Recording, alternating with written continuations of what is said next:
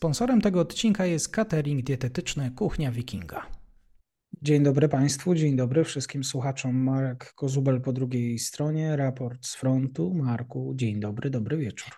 Witam serdecznie Mateuszu, pozdrawiam Ciebie oraz naszych słuchaczy i przy okazji życzę z góry wszystkiego najlepszego w nowym roku 2024. Spełnienia marzeń. Tak jest, również dołączam się do tych życzeń, e, ale zanim sprawy ważne, zmasowany atak rakietowy, chyba największy od e, początku wojny na Ukrainę, rosyjski atak. No, jeżeli chodzi o użycie e, liczby różnych środków rażenia, czy tudzież napadu powietrznego, to tak, jest to zdecydowanie jeden z największych. Tutaj się przypominają wręcz e, te jesienno-zimowe e, czasy, gdy Rosjanie próbowali zamrozić Ukrainę albo nawet i początek inwazji. Rosjanie mieli wykorzystać 158 różnych właśnie środków napadu, zaczynając od rakiet manewrujących, balistycznych, a kończąc na tak zwanych mopedach, czyli dronach kamikadze, E, Szachet 131 i 136 produkowanych również już w Rosji, ale pod nazwą Gerań. I co się takiego stało? Rosjanie wystrzelili 158 takich e, właśnie e, pocisków, dronów kamikadze i ile z nich zostało zestrzelonych? Ukraińcom udało się zestrzelić 87 rakiet, przy czym są to głównie rakiety manewrujące H-101, H-555 i H-55. Ukraińcom udało się również zestrzelić 27 y, rosyjskich dronów kamikadze. Y, I tutaj bardzo ważna rzecz. Y, jak tutaj widzimy, łącznie tych obiektów zestrzelonych jest 114. I tutaj widzimy, że no, Ukraińcom nie udało się zniszczyć 44. Przy czym z tych 44 tylko 9 to rosyjskie drony kamikadze. E, I tutaj e, też bardzo istotne jest to, że Ukraińcy też nie zestrzelili ani jednej rakiety balistycznej, ani rakiet do systemów przeciwlotniczych S-300 i S-400, które również zostały wykorzystane podobnie jak rakiety balistyczne. E, przy czym tych rakiet e, Rosjanie użyli głównie do ostrzału Charkowa. Tutaj mowa oczywiście o rakietach do systemów S-300 i S-400. E, I tutaj jest też jeszcze jedna taka ciekawa wskazówka.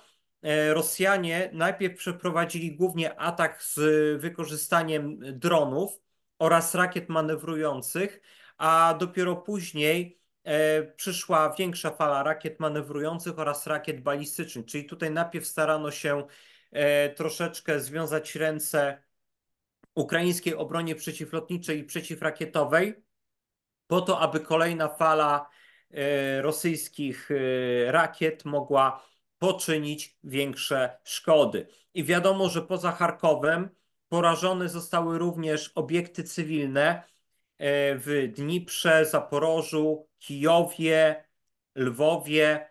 E, wiadomo też e, na chwilę obecną, że jest około 120-130 rannych, a liczba ofiar śmiertelnych wzrosła do 22 osób.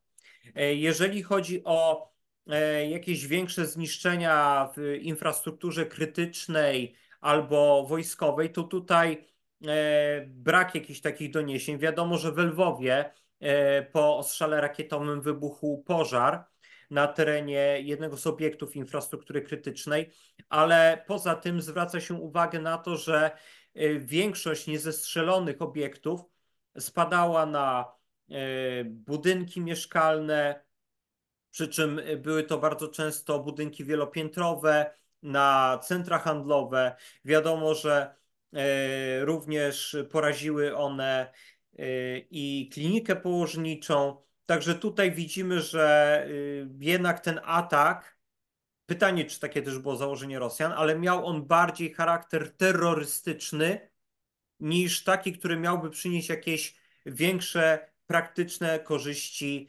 wojskowe, tak jak chociażby jakieś mocniejsze naruszenie produkcji zbrojeniowej, bo ta mimo wszystko ma miejsce na Ukrainie, albo pytanie, czy chodziło o to, żeby porazić jakoś skutecznie obiekty wojskowe po to, żeby osłabić ukraińską obronność. No tutaj też na razie nic za bardzo na to nie wskazuje. E, być może dowiemy się z czasem więcej, ale tutaj też jeszcze jedna bardzo ważna rzecz. Należy się spodziewać zdecydowanie więcej ataków tego typu. E, tutaj oczywiście pytanie, czy Rosjanie w ogóle planują zamrożenie Ukrainy, tak jak miało to miejsce w ubiegłym roku. E, może ten atak mieć związek z trwającą obecnie kampanią, e, mającą przekonać Zachód do tego, że wojny z Rosją wygrać się rzekomo nie da. E, ja bym tutaj właśnie też wskazywał na to, że poza jakimiś celami praktycznymi bądź terrorystycznymi, Rosjanie chcieli tym samym również wysłać pewien sygnał do państw Zachodu, które Ukrainę wspierają.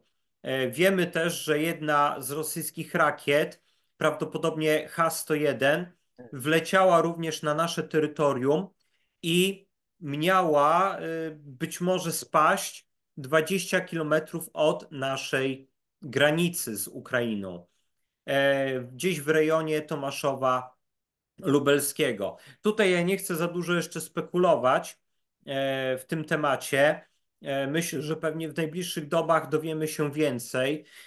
Zapewne też się dowiemy, czy zostaną znalezione jakieś fragmenty rakiety, jeżeli ona faktycznie się rozbija na naszym terytorium, ale w każdym razie sam fakt jej przelotu nad terytorium polskim no już jest naruszeniem naszej przestrzeni przez stronę rosyjską. Nie musi to oczywiście prowadzić do E, wojny rosyjsko-polskiej czy wojny e, NATO-Rosja, ale no jest to po prostu wyraźny sygnał e, świadczący o tym, że Rosjanie są gotowi nawet naruszać przestrzeń i terytorium państw natowskich, byleby osiągnąć w tym wszystkim jakiś cel. Już wcześniej Rosjanie przecież też prowadzili ataki rakietowe, naruszając E, przestrzeń powietrzną Rumunii i Mołdawii. Oczywiście starano się to wszystko jakoś tam e,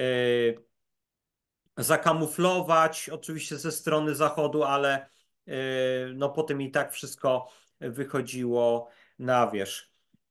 Także w zasadzie z jednej strony ten wynik ukraińskiej obrony przeciwlotniczej, czyli ponad 70% zestrzelonych obiektów, z jednej strony nie jest zły, ale są właśnie takie pewne sygnały niepokojące, e, ponieważ jednak te e, dwadzieścia kilka procent e, środków napadu powietrznego poraziło różnego rodzaju obiekty, a nie wykluczono, że niektóre sięgnęły swoich celów. No i również niepokojące jest to, że Rosjanie prawdopodobnie bardzo sprytnie wykorzystali swoje rakiety balistyczne tam, gdzie ukraińska obrona przeciwlotnicza no, nie mogła zestrzelić E, pocisków balistycznych, albo wiedzieli, że e, ukraińska obrona się wystrzelała w danym miejscu, a to znaczy, że nie mogła odeprzeć ataku z wykorzystaniem e, właśnie rakiet balistycznych. Jeżeli, jeżeli chodzi, chodzi o, ten... o, sytuację na froncie, czy coś się zmieniło tego czasu? A jeżeli chodzi o, o sytuację na froncie, no to tutaj no, zdajemy sobie sprawę z tego, że większych zmian dalej nie ma.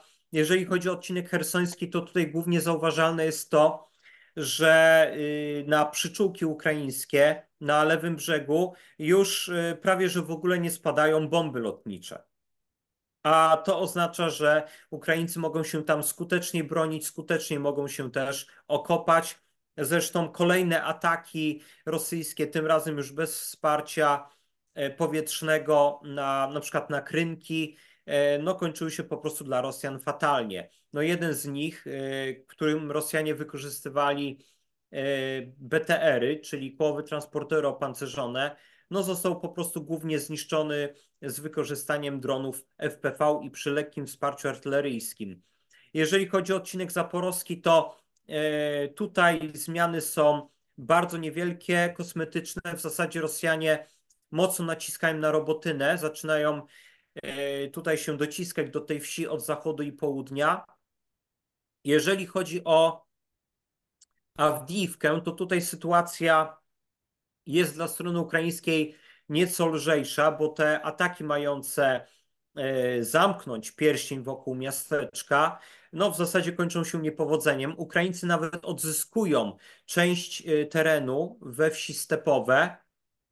Jedyne ruchy Rosjanie odnotowują, ale też niewielkie w kierunku Oczeretynę. Jeżeli chodzi o odcinek pod Bachmutem, to tutaj sytuacja jest nieco gorsza dla strony ukraińskiej, głównie tutaj na północny zachód od Bachmutu. Tutaj Rosjanie e, pomiędzy berchiwskim zbiornikiem wodnym a granicą administracyjną Bachmutu osiągają pewne sukcesy terenowe. Będą pra pra prawdopodobnie planować oskrzydlić Bogdaniwkę i zmusić Ukraińców do odwrotu w kierunku Kałyniwki. To samo będą prawdopodobnie chcieli zrobić z ukraińską załogą w Iwaniwskim, czyli po prostu przesunąć front podczas Jar, czyli zrealizować to, co Rosjanom nie udało się e, po zdobyciu Bachmutu w maju tego roku.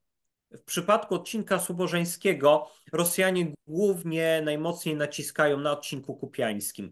Atakują Y, Petropawliwkę. Oczywiście y, stale atakowana jest Synkiwka, y, również Kysliwka, Iwaniwskie, przepraszam, Iwaniwka, ale tutaj zmian właściwie nie ma. Toczą się bardzo ciężkie walki, ale Rosjanie nie są w stanie przesunąć linii frontu bliżej samego Kupiańska.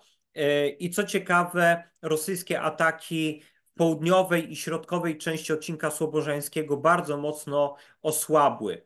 E, a tutaj Rosjanie najczęściej atakowali w kierunku wsi Terny oraz w lesie sierebrańskim.